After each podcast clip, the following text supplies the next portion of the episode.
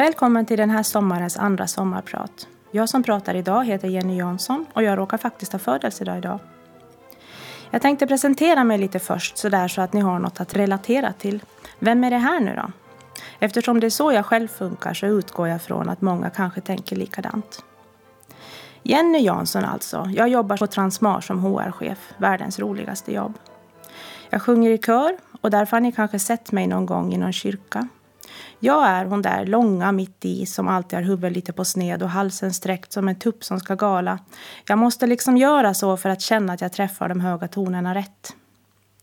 Ni ser mig aldrig ute i vimlet. Jag jobbar, får via kantarellen för att handla på vägen hem och sen är jag hemma. Och jag kör fort för jag vill hem, så ni hinner knappast se mig i bilen heller.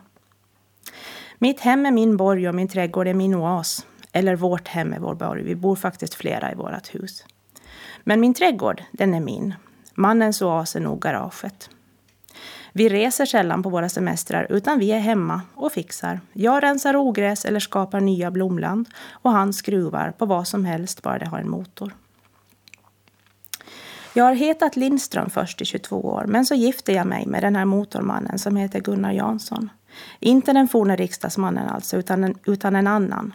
En som idag är mest bekant för dem som behöver hjälp på Holmbergs med hydrauliken någon gång eller vill prata med någon som kan folkvagnar eller justering av förgasare. Den Gunnaren är jag gift med. Han och jag har sedan fått tre barn ihop, tre grabbar. Den äldsta pojken heter Werner. Han kan man också hitta på Holmbergs faktiskt. Eller kanske i något motorcykelsammanhang någon gång. Våran mellanpojke heter Emil. Han är nybliven getabo och jobbar som bilmekaniker på Bildoktorn.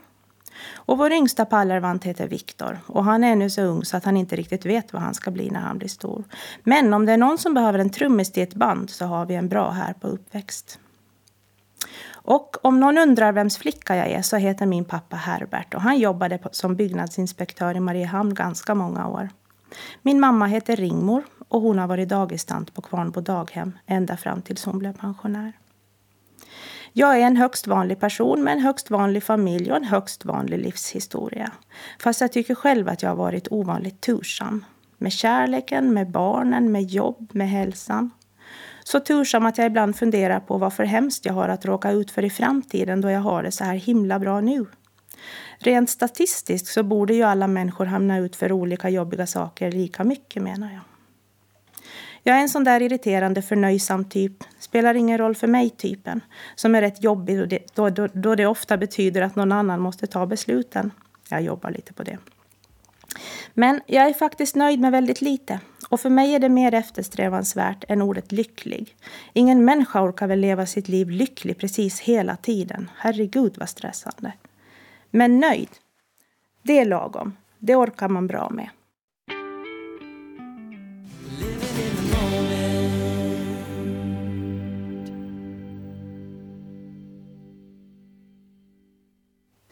Det ni hörde nu var Living in the moment med Jason Mraz. En trevlig låt med ett bra budskap. Egentligen så är det rätt skumt att jag har tackat ja till det här. Att jag ska sitta här och prata och spela mina favoritlåtar i en och en halv timme. Jag som inte ens är särskilt bra på att prata. Det är skrivandet som är min grej. När jag får sitta och formulera mig och hitta de bästa orden att beskriva mina funderingar. Eller hitta på egna ord om inte de bästa orden finns. I samtal är jag också mer av en lyssnare faktiskt. Dels för att jag är så himla nyfiken på människor, men antagligen också för att jag behöver tänka lite innan jag pratar. Och då blir det lätt så att andra som tänker snabbare hinner prata mer. Jag skriver bättre än jag pratar och det är väl därför jag sitter här tror jag. För att jag skriver rätt mycket på Facebook. Ibland rätt urflippade grejer.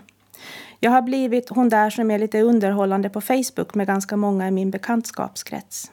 Inte för att jag vet att jag är så där himla rolig. Jag tror att det bara är så att det finns rätt få skrivare på Facebook. Att de flesta användare är scrollare. Och att det därför är roligt att det finns något att läsa ibland. Speciellt något lite oväntat och halvknasigt. Det är liksom mitt främsta mål på Facebook att jag ska lägga upp saker som ingen annan skulle ha kunnat kommit på att lägga upp. Jag lägger ibland upp när jag är arg på något trivialt som strulande teknik till exempel. Jag lägger upp bilder på fiskpinnemiddagar med påssås. På vanligt hemmahäng när alla andra är på fest och verkar ha ett liv. Jag lägger upp såna här saker som motvikt till allt det flashiga och jag tänker att det kan ge tröst åt någon som inte heller är på fest. Eller någon som inte dricker rödvin med sin älskling vid brasans sken utan kanske bara delar en öl och en bulle. Eller vad som det råkar finnas hemma. Jag kommenterar gärna och gillar, speciellt kanske de inlägg som inte har så många gilla. Jag diskuterar gärna i kommentarsfälten, men jag tycker att det är synd att det, att det finns så många som inte visar respekt för varandra fastän vi tänker och tycker olika. Flera kan ha rätt, fast på olika sätt. Se det goda i varje människa istället för det störiga. Stötta varann och respektera varann. Som ytterligare förstärkning till hur viktigt jag tycker att ordet respekt är så får ni här låten med samma namn med Aretha Franklin.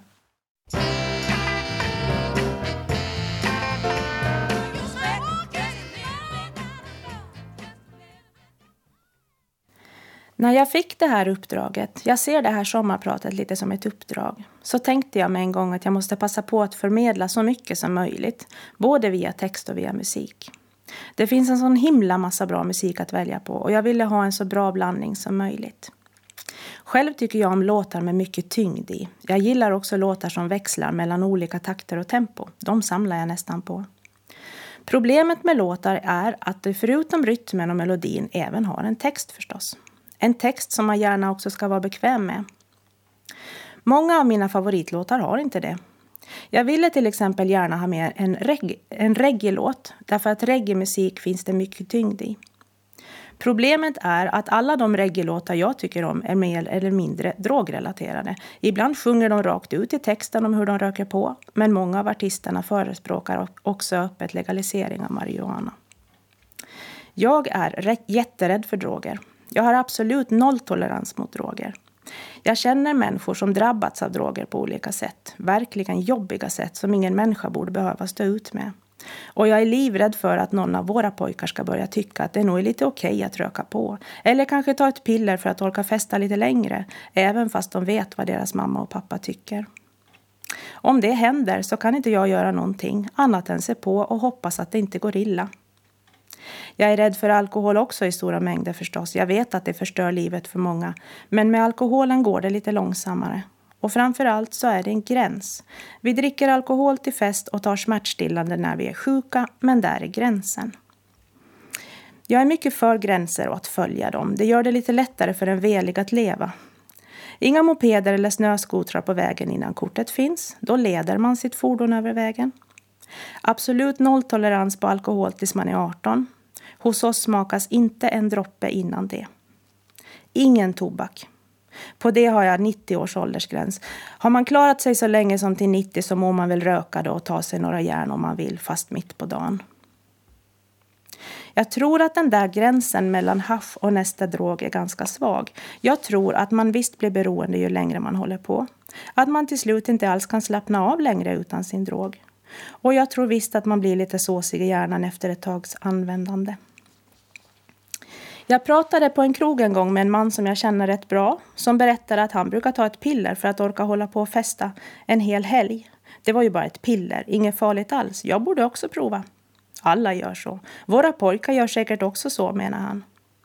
Jag blev chockad. Jag mådde dåligt i flera dagar efter det där. Han har bra jobb och sambo med och jag hoppas innerligt att det går bra för honom trots de där jävla pillerna. Men jag funderar nu och då på honom. Om han kan sluta när han vill. Eller om han kommer att få problem. Eller kanske redan har det.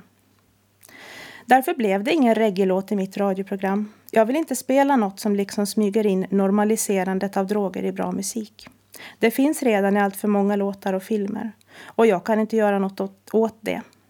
Men jag kan ta ställning mot. Och det gör jag genom att spela en annan bra låt som innehåller både tyngd, paus och ändring i tempo. Jag spelar Russian Roulette, för det är precis just det droger är. En spännande, vansinnig lek som kommer att ta död på någon av dina vänner. Men du vet inte vem det blir.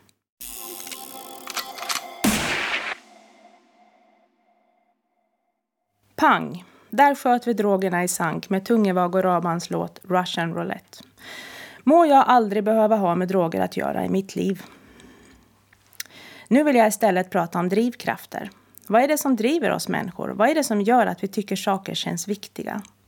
Jag tycker att miljön är viktig, men jag är också lat och har jämt bråttom. Jag hinner inte söka upp ekologiska varor eller läsa vilka en som finns i. Jag tycker om att köra bil, gärna fort. Men å andra sidan flyger jag nästan aldrig.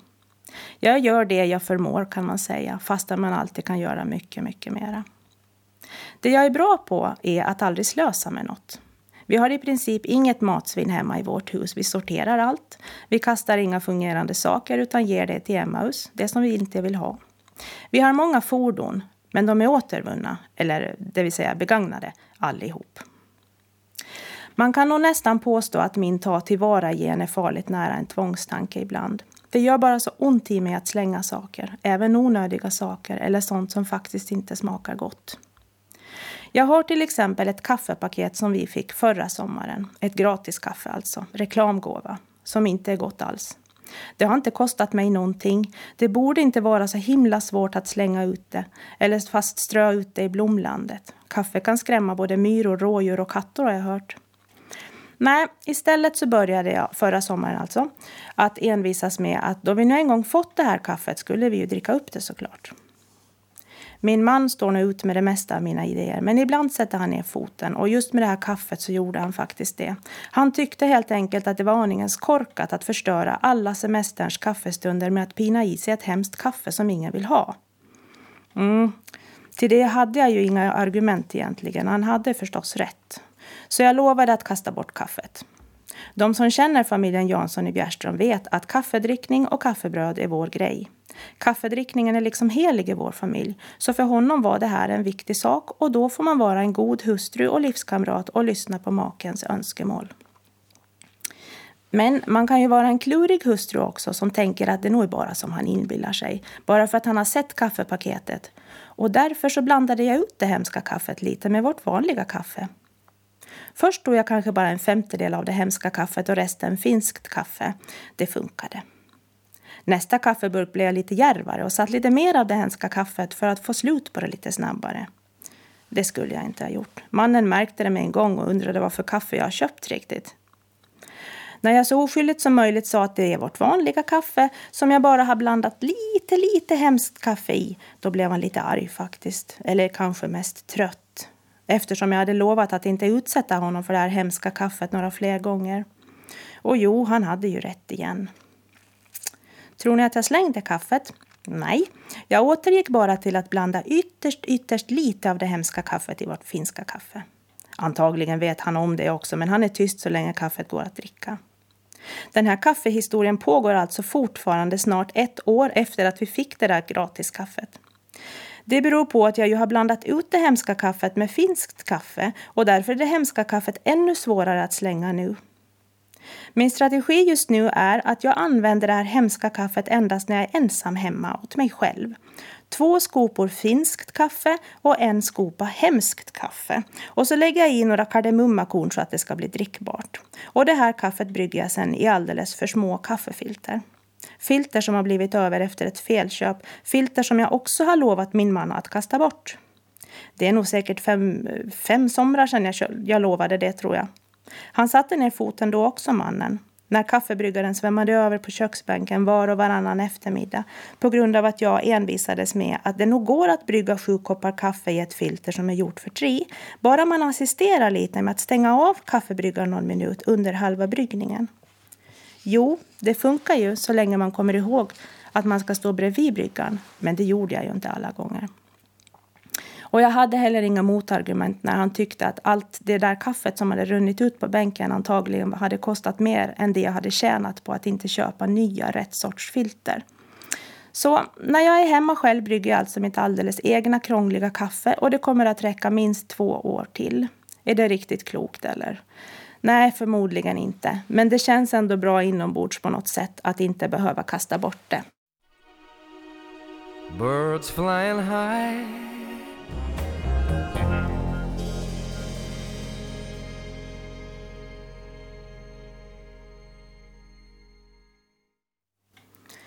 Ungefär som den känslan som Michael Bublé förmedlar i den här versionen av Feeling Good. Den känslan får jag i kroppen när jag tar tillvara saker. Jag är född i början av 70-talet och de flesta människor fortfarande var ganska slit och släng tror jag. Eller åtminstone ivriga att ofta köpa nytt. Ny soffa, ny bil, ny hemelektronik. Men inte hos oss. Vi använde saker och ting tills de gick sönder och vi sparade det mesta som var sönder också tror jag ifall att det kanske skulle kunna gå att laga någon gång. När jag var i åldern 10 till 11 år trodde jag faktiskt att vi var fattiga. Vi hade svartvit tv och ingen diskmaskin och det var jättepinsamt. Jag tjatade på mina föräldrar att vi måste köpa en färg-tv eftersom alla andra hade det. Och när det i mina ögon dröjde allt för länge innan den där förbaskade färg-tvn kom började, började jag dra för gardinerna i mitt rum så fort det blev mörkt. Ifall att någon av ungarna i byn skulle smyga utanför och kika in genom fönstret och se vår svartvita tv. Nog för att alla redan visste att vi hade svartvitt tv eftersom jag hade berättat det.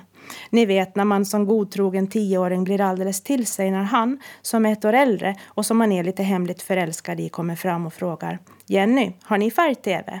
Och jag svarar nej. Och han och hans kompisar skrattar ihjäl sig. Klart att man efter det drar för gardinerna ifall han och de andra pojkarna får för sig en kväll att, att ta sig en tur längst upp i Haraldsbybacken för att titta in genom mitt fönster på vår svartvita tv. En helt rimlig tanke i en tioårings huvud. Speciellt eftersom det var min och min kompis favoritsysselsättning under de tidiga höstkvällarna att smyga runt hus och kika in genom fönster. Det gjorde vi ända tills en dam en kväll kom ut på sin trappa med ett gevär i famnen och ropade Vem där? Och vi fick en åthutning av våra föräldrar när vi kom hem och berättade om den galna tanten med gevär som hade tänkt skjuta oss fastän vi bara promenerat i skogen bakom hennes vedlider. Och mina föräldrar sa att det får man faktiskt inte göra. Såklart tanten trodde att ni var inbrottstjuvar. Hon bor ensam och hon kanske var jätterädd. Och skäms på oss som smyger på andra människors gårdar. Sluta genast med det. Så det gjorde vi. Inte ville ju vi skrämma tanter, vi ville ju bara ha lite spänning. Det finns också en historia från Haraldsby om en farbror med gevär. En ganska ilsk farbror som hade äppelträdgård.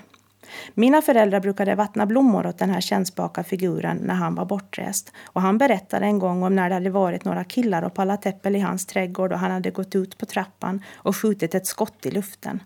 Pojkarna hade sprättat till och rusat iväg hals över huvud, fort, fort, ut ur trädgården. Och den ena hade ramlat omkull i farten, varpå den andra pojken i panik ropar Tommy, vart du träffad? Det tyckte till och med jag var en rolig historia. Den här pojken i mitt minne heter egentligen något annat så alla Haraldsbybor som nu sitter och försöker fundera ut vem den där Tommy var så kan sluta fundera på det. Så visst var tanken på smygande pojkar utanför högst trolig för mig. Färg-tvn kom nog så småningom, men aldrig diskmaskinen. Helt enkelt för att min mamma inte ville ha någon diskmaskin. Än idag har hon ingen diskmaskin och idag vet jag att det inte beror på att de är fattiga, bara på att de hellre sätter pengar på annat. Man kan återvinna musik och text också. Nu ska ni få höra en återvunnen text av Fröding. Väldigt fint återvunnen.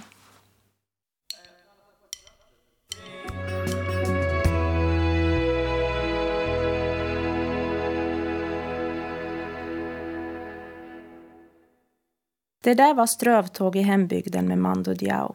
Ett väldigt fint sätt att använda något gammalt och fint på ett nytt sätt. Allt det där sparande på allt möjligt som man egentligen också kunde kasta tror jag kommer ner där med mina föräldrar som uppfostrats av sina föräldrar som upplevt krigstider då man verkligen fick ta tillvara på allt som bara gick. Min mormor var en mästare på det. Hon sydde kappor av väskor och tvärtom. Bara sprättade upp och sydde ihop till något annat. Jag tyckte det var helt fantastiskt. Hon kunde göra vad som helst. Varje jul hade jag en fin julfestklänning som mormor sytt åt mig. Jag minns att jag kände mig så fin och speciell. Min mamma är också en fena på att använda allt möjligt och omöjligt till något annat. Hon jobbade som dagistant som man sa när jag var liten. Och min mamma kunde förvandla en tändsticksask, lite piprensare och flörtkulor till vad som helst. Alla de här sparade grejerna, tygbitarna, ljusstumparna, toapappersrullarna och alla gamla tidningar var himmelriket för en pysslare som jag och min kompis i huset intill. Vi lagade egna tidningar, vi sydde dockor, stöpte ljus, julpysslade och påskpysslade. Vi gjorde tredimensionella adventskalendrar till varann. Jag började också spara på saker som kunde vara bra att ha. Det var härligt att sitta på en liten skatt i form av en låda med vackra bilder, knappar, kapsyler och annat fint. En gång sparade jag till och med en död fågel för att den var så fin, men den åkte ut när det började lukta skunk i mitt rum och min pappa hittade den. Just det här samlandet fortsatte jag med då jag satte eget bo och vi fick våra egna barn. Jag såg fram emot deras entusiasm när vi skulle pyssla och mamma plocka fram pyssellådorna. Lite snopet sen när ingen av våra pojkar var riktigt intresserad av att pyssla. Och jag tyckte inte att det vid 30 års ålder var så himla roligt att pyssla längre, inte själv. Så, så småningom skänkte jag några av mina lådor till MK dagis och några till min systers barn. Jag tror att min syster bär på samma förhoppning om att få pysselälskande ungar och jag kan bara önska henne bättre tur.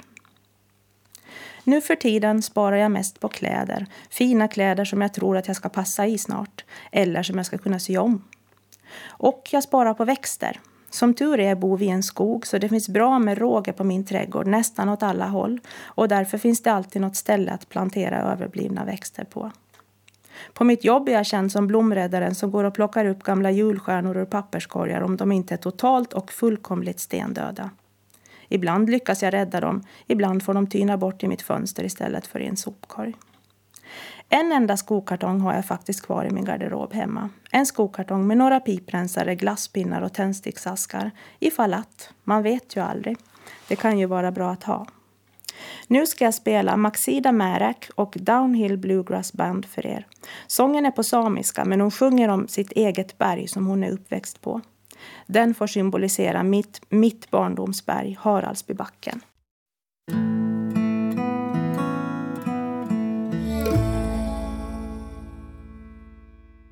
Det är alltså Jenny Jansson från Bjärström som sommarpratar idag och jag har just gett er några glimtar från 70 80-talets Haraldsby. Men nu vill jag prata om kärlek. Störst av allt i kärleken var det någon vis som sa, var det inte Gud kanske? Hur som så tror jag på det. På kärleken alltså. Kanske på Gud också lite grann, men framför allt på kärleken. Eller jag tror att det är samma sak. Att Gud är något som vi människor har resonerat oss fram till för att förklara en sån stor kraft som kärleken är. Jag tror att det är kärlek som gör, som gör livet och levandet meningsfullt för oss. Vi vill vara nära dem vi tycker om, om det sen är barn, föräldrar, husdjur eller din livspartner. I de tidiga tonåren tyckte jag att kärlek mest var ganska jobbigt, besvärligt och sorgligt. Jag var alltid kär i någon som var kär i någon annan. Och om det var någon som blev kär i mig så var det fel kille. När man kom till högstadiet så var ju nästan alla kära i samma killar och man fick hela tiden låtsas vara glad för sina kompisars skull när någon av dem just blivit ihop med honom som vi alla var kära i. Och efter skolan gick man hem sen och grät. De enstaka gånger kärleken lyckades och man själv fick till något med rätt kille så var det det där med hur gör man? Vad gör man? Hur mycket måste man göra? Vad förväntar han sig av mig riktigt? Så man gjorde lite som man trodde att man skulle göra och ibland blev det bra och ibland blev det bara pinsamt. Just på grund av de här, mina egna minnen av de här ganska jobbiga ungdomsåren när ingen riktigt visste vad och hur man borde göra så kände jag mig faktiskt väldigt kluven när hela den här metoo-grejen kom för några år sedan. Det var jättebra och verkligen på tiden att man lyfte upp och satte stopp för vuxna människors maktmissbruk och tydligt tog ställning emot all form av konstigheter som hittills tystats ner. Däremot så blev jag lite sorgsen i magen när jag läste många av vittnesmålen som har kommit in. Det var så många unga tjejer som vittnade om saker de gjort som de egentligen inte ville göra och det blev på något vis pojkarnas fel enbart.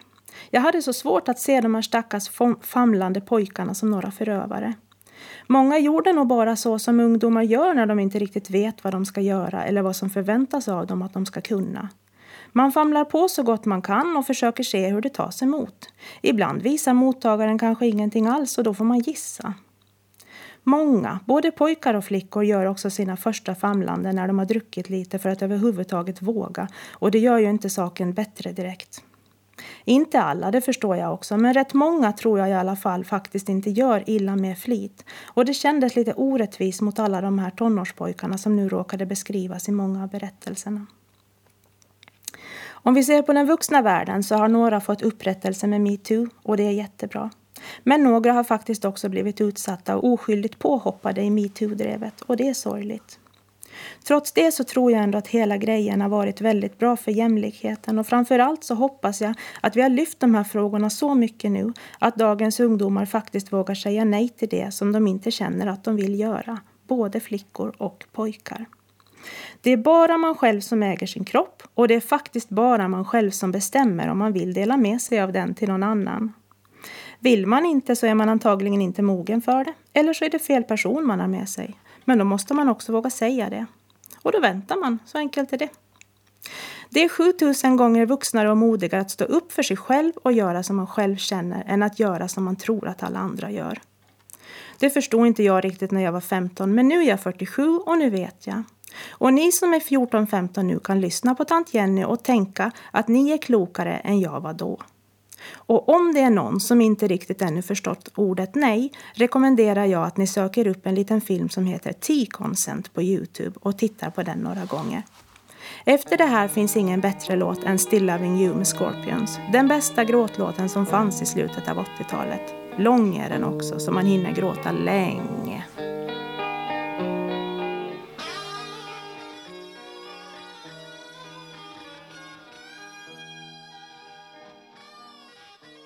Nu tonar vi ut de här gnälliga pojkarna. Nu har vi gråtit färdigt. Nu vill jag istället berätta om min egen stora kärlek. Han som inte varit riksdagsman, men som har samma namn. Att ha en man som heter Gunnar Jansson är faktiskt lite kul. En gång hittade min man ett mess från någon som hade försökt boka någon flygresa och behövde ett godkännande. Vi undrade lite då hur det månne gått för riksdagsmannen, om han missat flyget eller vad som hände. En annan gång ringde en man som var lite på snusen och ville diskutera politik med min man. Och han förstod inte riktigt att det fanns fler Gunnar Jansson på Åland. Och när han till slut förstod det så ville han diskutera Ålandsfrågor med mig istället, för jag verkade ju så trevlig. Jag fick blockera det numret sen. Min man och jag träffades via goda vänner kan man säga. Det är idag 30 år sedan och jag var då 16 år gammal. På 80-talet fanns det ungdomsföreningar över hela Åland och i varje kommun fanns det minst en lokal. Den som jag höll till på var Högtomt i Östra Saltvik. Min bästa kompis bodde i Kvarnbo och hon började vara på Högtomt när hon blev tonåring. Och då fick jag, kompisen från Haraldsby, hänga på. Det är lite konstigt, men jag hängde på Högtomt i kanske fyra, fem år men jag kände aldrig att jag hörde till. Jag var med i Lucia-tågen och revyerna som alla andra men jag hörde aldrig till. Jag var alltid bara kompisen, bihanget. Men roligt hade jag i alla fall. Det var spännande med alla de som var några år äldre och världsvana och där fanns många killar att beundra på avstånd. Och jag fick sjunga och spela teater och jag, och jag gjorde det hyfsat bra, tror jag i alla fall. Gunnar hamnade på Högtomt via vänner som bodde i Saltvik. Saltvikare som körde folkrace, som också han gjorde på den tiden. Han och hans dåvarande flickvän var med i det där coolaste gänget. De som var för gamla för oss. De som hade allt det där som vi ännu inte hade. Pojkvänner, bilar, egen sprit och framförallt åldern inne. Gunnar var faktiskt en av dem som inte alls fastnade på min radar där i början. Antagligen för att han var upptagen.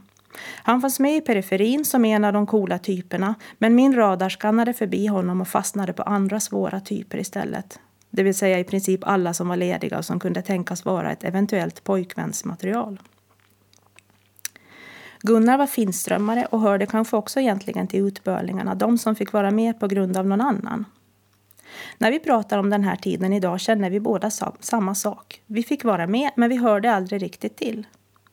Men det var i alla fall en himla tur att vi fick vara med. För plötsligt, under vårvintern 1989, fick jag höra av min kompis att Gunnar och hans tjej hade flyttat ifrån varann.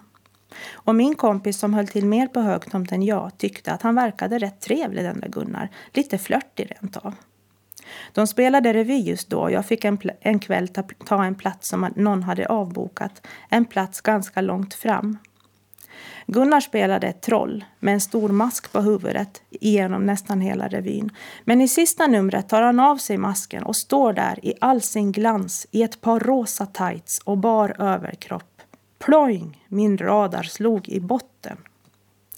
Nu visste jag ju att min kompis radar också var påslagen. Kanske inte riktigt lika i botten som min, men hon var ju i alla fall först så jag tänkte att jag ligger lite lågt och jag sa inget annat än att jo, han var rätt snygg. Hur som, jag minns inte om det var samma kväll eller om det var ett, en annan kväll som det sa ploing hos honom också. Det var fest på högtomt och kompisen och jag hade vårt span på Gunnar och vid ett tillfälle när vi tyckte att han suttit onödigt länge i en soffa och pratat med en annan tjej som vi inte tyckte att han skulle involvera sig med kom jag på den finfina fin, idén att jag går och bjuder upp honom så får vi ett bryt på det som eventuellt håller på att utveckla sig i soffan och så har vi en ny chans sen när han inte är upptagen av någon annan. Så jag gjorde det, bjöd upp honom och där blev vi. Det var inte meningen. Det bara sa ploing på samma gång hos oss båda, plötsligt. Och det som inte var meningen ser vi nu tillbaka på som att det kanske var det som var meningen i alla fall. Tänk att två utbörlingar som inte riktigt hörde till skulle råka upptäcka varann precis där. Och jo, lite jobbigt blev det med kompisen, men det redde vi ut ganska snabbt. Jag minns att jag ringde till henne när Gunnar sen bjudit ut mig första gången på riktigt en vecka senare. Då när jag insåg att han kanske verkligen ville vara med mig trots att jag var 16 och han 23. Hon gav mig sitt, sitt okej okay och höll god min, så där som vi tjejkompisar gjorde för varann när den enas lycka blev den andras olycka för ett tag. Kanske la hon på en skiva med Scorpions och grät en skvätt över livets orättvisor den gången. Sen den dagen, annandag påsk 1989, har det varit vi, han och jag, starka men rätt ensamma mot världen till en början då det trots allt blev en ganska stor grej i hans kretsar med den där fjortisen som han hade raggat upp. Jag själv var just då vid 16 års ålder rätt ensam eftersom jag hade börjat lussen när nästan alla mina vänner hade börjat andra skolor. Och därför tänkte jag inte så mycket på det då. Men så här i efterhand kan jag tänka att han offrade rätt mycket för min skull i form av kompisgäng, krogbesök och annat. Vi hittade så småningom vår egen väg via en etta på 39 kvadratmeter i Äppelträdgården i Haraldsby till vårt eget hus i skogen intill en sjö i Bjärström. Den här är till dig, min gulliga, kramgoa, ibland arga men kärleksfulla man. Jag ger dig min morgon med Fred Åkerström.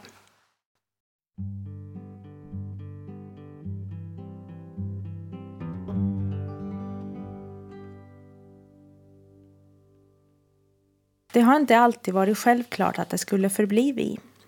Det är så lätt hänt att man seglar iväg åt varsitt håll när man är mitt uppe i vardagen med barn, dagis, skola, jobb och olika aktiviteter däremellan.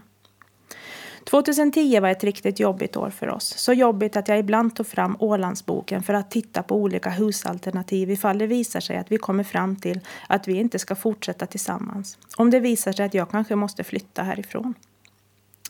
Som vi kämpade det året, både på varsitt håll för att försöka känna vad vi ville, men också tillsammans. Vi bråkade och skrek, vi grät, vi var vakna på nätterna och pratade. Vi åkte bort lite på egen hand för att ge varandra utrymme att vara själv och för att vi, så att vi skulle kunna känna efter hur det kändes, om vi skulle sakna varandra eller inte. Men framför allt pratade vi och analyserade minsta lilla ord som sades eller hade sagts eller inte sades.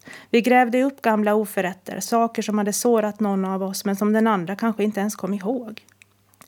När vi kom till julen det året så hade vi pratat oss mycket närmare varann än vi någonsin hade varit och därför kan jag idag säga att jag inte hade velat vara utan det där hemska året 2010.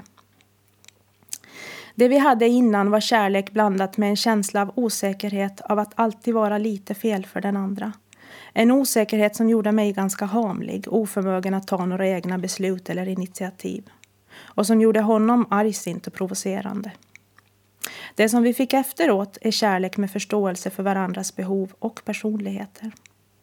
När jag blir trött och slut blir jag hispig och lättstött. När han blir trött och slut blir han arg på småsaker. Lägg ihop de båda personlighetsdragen så har ni en bomb. Nu vet vi de där sakerna. Nu tar vi kramen direkt istället och lyssnar till varandras klagoharanger en stund. Sen äter vi middag och vilar lite på maten och så är vi igång igen. Vi läser inte längre in en massa konstigheter som vi själva diktar ihop för att förklara varandras beteende utan vi frågar varandra hur det är istället. Vi är inte rädda för att diskutera känsliga ämnen som förut kunde göra oss osams. Visst har vi olika åsik åsikter rätt ofta, men när vi diskuterar så visar det sig nästan alltid att våra värderingar i stort sett är samma. Vi bara uttrycker oss på olika sätt. Och det bästa av allt, vi trivs så förbannat bra i varandras sällskap när vi ligger här hemma i vår tv-soffa och tråktittar på något konstigt tv-program. För att det inte kommer något annat att se på för tillfället. Vi trivs så förbannat bra med varann för att vi båda idag vet att vi har valt varann. Vi vet att ingen av oss båda önskar något annat just nu än det här härligt tråkiga livet. Om jag gav råd till ungdomarna förut så skulle jag vilja ge ett råd till vuxna människor mitt i livet som känner sig osäkra på sitt liv, sin partner, sitt jobb, vad som helst. Öppna mun! Prata med varann. Berätta hur det känns. Berätta när du blev ledsen över något. Allt känns bättre när man delar med sig av sina funderingar med någon, när man pratar med någon, även om man inte kommer fram till något. Om du går runt och otrivs, gör något åt det. Det går alltid att göra någonting och det är ingen annan än en själv som kan göra det åt en. Om du har ett tråkigt jobb, byt jobb. Om du har fel man, byt man. Eller om du istället pratar ihjäl honom under ett helt år kanske du inte ens behöver byta man. Du kanske istället upptäcker en helt ny man i samma man. Jag vet vad jag pratar om. Vi hade ett enda men väldigt bra skäl till att vända tillbaka till varandra. Vi tyckte i grunden om varandra väldigt, väldigt mycket. Nu ska jag spela Tracy Chapman med Give me just one reason.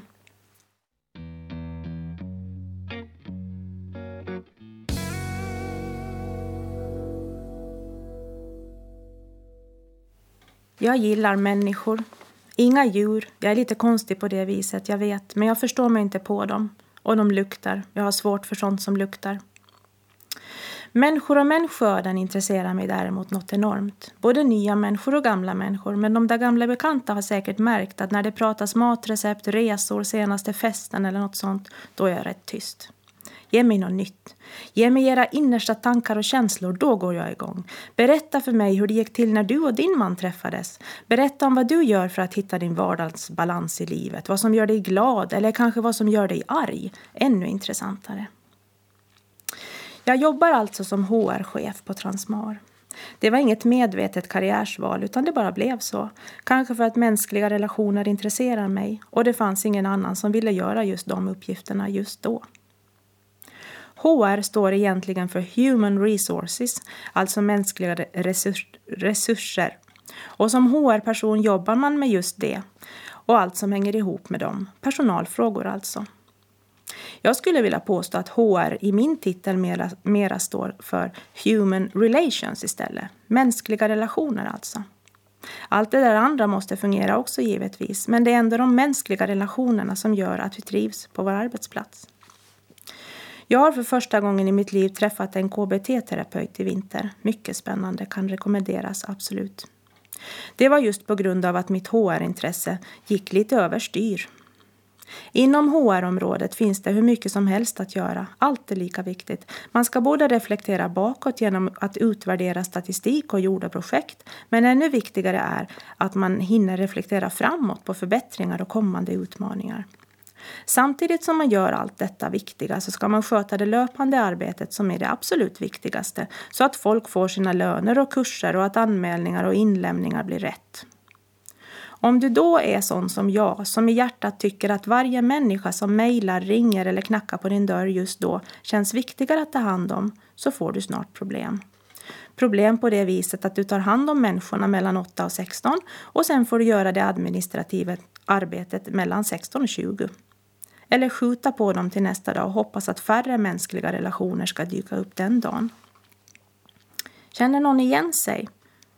Har ni också en arbetsdag som aldrig räcker till riktigt? Jag tror inte att det är bara jag som känner så här. Jag har jättemånga vänner och bekanta som gjort precis det här tills det kraschar.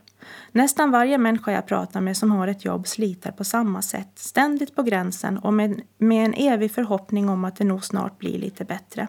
Bara jag tar mig förbi den här deadlinen, bara det nya programmet är på plats, bara vi har fått in rutinerna så blir det bättre. Jag är både som privatperson och som HR-person allvarligt oroad över den här utvecklingen i arbetslivet. Det är inte sunt. Det måste komma en vändning snart om vi ska orka som människor. Vi är bara människor. Efter den här låten ska jag berätta om mitt personliga lilla psykbryt.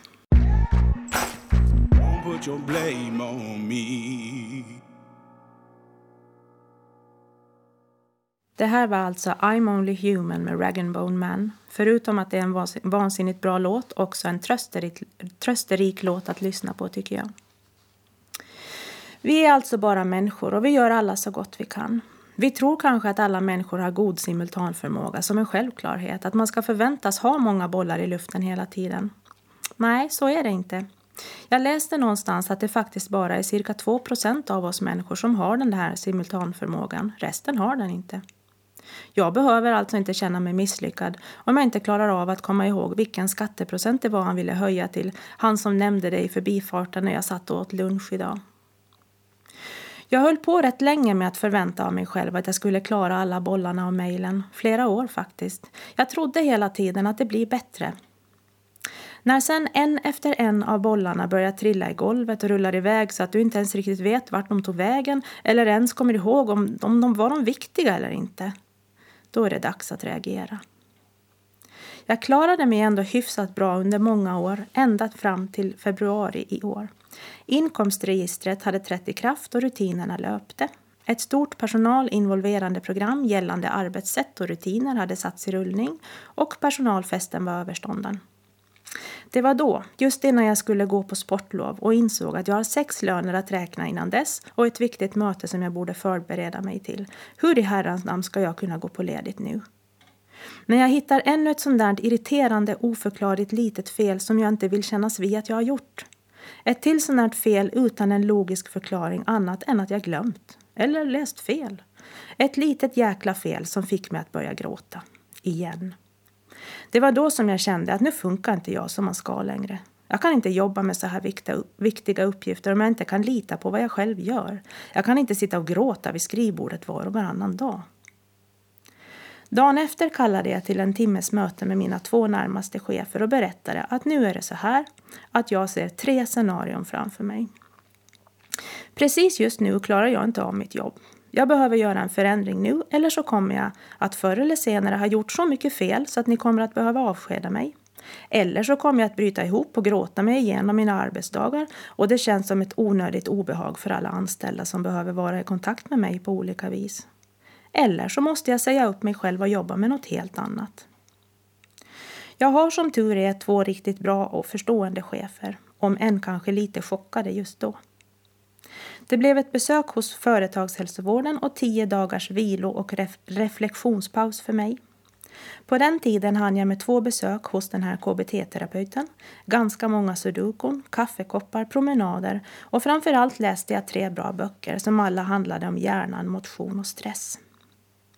När mina tio dagar var över hade jag tänkt ut min strategi för att kunna prova om jag trots allt kanske kan göra ett bra jobb, bara på andra premisser. Jag satte klockslag på min arbetstid. Jag klarar inte av mitt arbete om jag ska vara tillgänglig precis hela tiden för alla. Min hjärna är för trött just nu. Jag bestämde helt enkelt att jag jobbar i fred med mina administrativa uppgifter mellan 8 och 12 på dagarna och så är jag tillgänglig för allt och alla på eftermiddagarna mellan 12 och 16. Jag skrev ihop ett kort mejl till personalen med mina nya tider och tackade på förhand för visad hänsyn. Det blev min räddning. Och det har funkat hittills i alla fall. Och jag har fått jättefin förståelse från personalen. De skämtar lite om min stängda dörr, men det är omtänksamma skämt. Visst kan det hända att jag bryter ihop igen, det vet jag inte. Men då har jag i alla fall provat. Och skulle det visa sig att jag trots detta inte klarar av mitt jobb så kan jag ju faktiskt söka något annat med en bra, bra magkänsla i alla fall. Jag försökte. Det gick inte, men jag försökte åtminstone.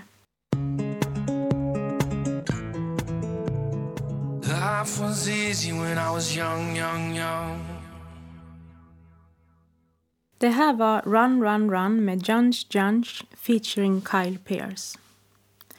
När jag känner att jag sprungit för fort för länge varvar jag ner mig lite påtande i trädgården och genom att sjunga med mina körer. Jag sjunger i två körer. Det ena är gospelkören Good News och det andra är Mikaelskören. Båda är församlingskörer, vilket betyder att man sjunger i kyrkan då och då. Med Good News i Mariehamn och med Mikaelskören i Finström och ibland också i Geta. Innan jag började sjunga i kör var jag inte särskilt kyrklig. Inte alls faktiskt. Annat än jag tyckte att det var en självklarhet att höra till kyrkan och betala sin kyrkoskatt.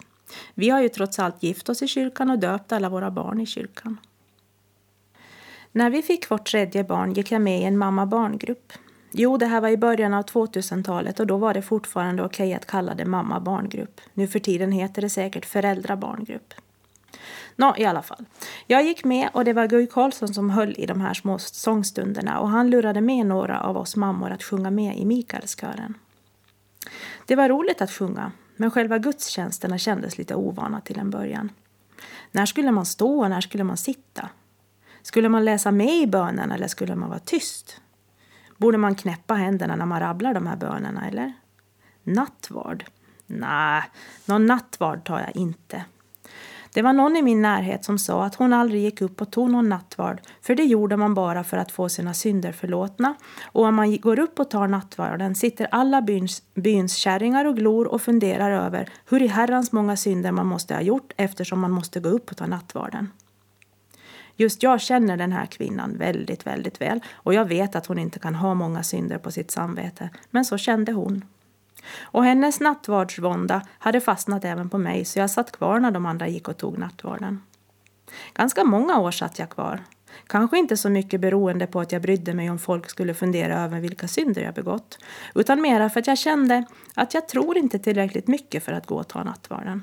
Jag kände inte att behovet fanns. Inte för mig och inte för någon annan. Tills jag satt själv ensam kvar uppe på podiet när hela kören var och tog nattvarden. Då började det kännas lite småfånigt faktiskt. Där sitter hon igen, nattvardsvägraren. Att sitta ensam i stolsraderna längst fram i kyrkan och se ut som att här sitter jag som den naturligaste saken i världen. Det är nästan lika jobbigt som att sitta ensam vid ett bord på arken och se rysligt upptagen ut med sig själv och sin drink när alla kompisar försvunnit. På arken är det knappast någon som funderar över varför man sitter där själv. Men i kyrkan kände jag verkligen att nu sitter nog varenda kotte i församlingen och funderar över vad jag har för slags demonstration där uppe varje gång. För det kändes lite så. Som att jag med min nattvardsnoja tog ställning mot. Mot själva gudstjänsten som jag var en del av. Och det var ju verkligen inte min mening. Så jag slutade fundera så himla mycket och gjorde som de andra. Tog del i hela gudstjänsten. Det är mycket det en gudstjänst är en gemenskap. Och det finns ingen gradering på hur mycket man ska tro för att delta i en gudstjänst. Det är det som är det fina. Idag vet jag också att prästen i vår kyrka blir väldigt glad när vi är många som tar nattvarden. Så därför går jag nu alltid och tar nattvarden, för jag tänker att alla andra präster tänker likadant. Jag gör det egentligen inte så mycket för min egen skull, utan mera för gemenskapens skull. Det är rogivande att sitta i kyrkan en timme. Det är ofta samma budskap, att vi alla är bra precis som vi är. Men framför allt finns det en tacksamhet i gudstjänsterna som jag gillar.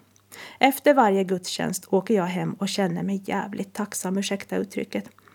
Alla har sina problem, men överlag har vi väldigt mycket att vara tacksamma över. Jaga gärna efter nya mål nu och då, men kom ihåg att uppskatta det du redan har åstadkommit också, det du har omkring dig. Och uppskatta kyrkan lite grann, det är den värd. Nu ska ni få höra en av mina gospelfavoriter. Lord I'm trusting med Chester D.T. Baldwin. Den är tung. Lyssna på hjärtslagen och kraften i sången.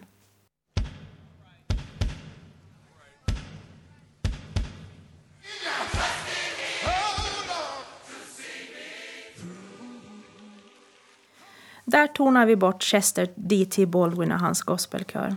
Gospelsånger har ofta en tendens att urarta lite mot slutet. De vill liksom aldrig sluta sjunga så de blir lite tjatiga. Nu börjar mitt radioprat lida mot sitt slut. För mig har det varit jätteroligt även om det också har varit jätteläskigt. Jag hoppas att ni som lyssnar har tyckt att det gick att höra på.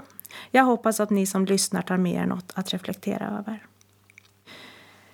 Jenny Jansson, kyrkokramaren, körsångaren, fartdåren, HR-personen, Facebook-nörden, drogmotståndaren, tantskrämmaren och specialkaffeblandaren tackar för sig.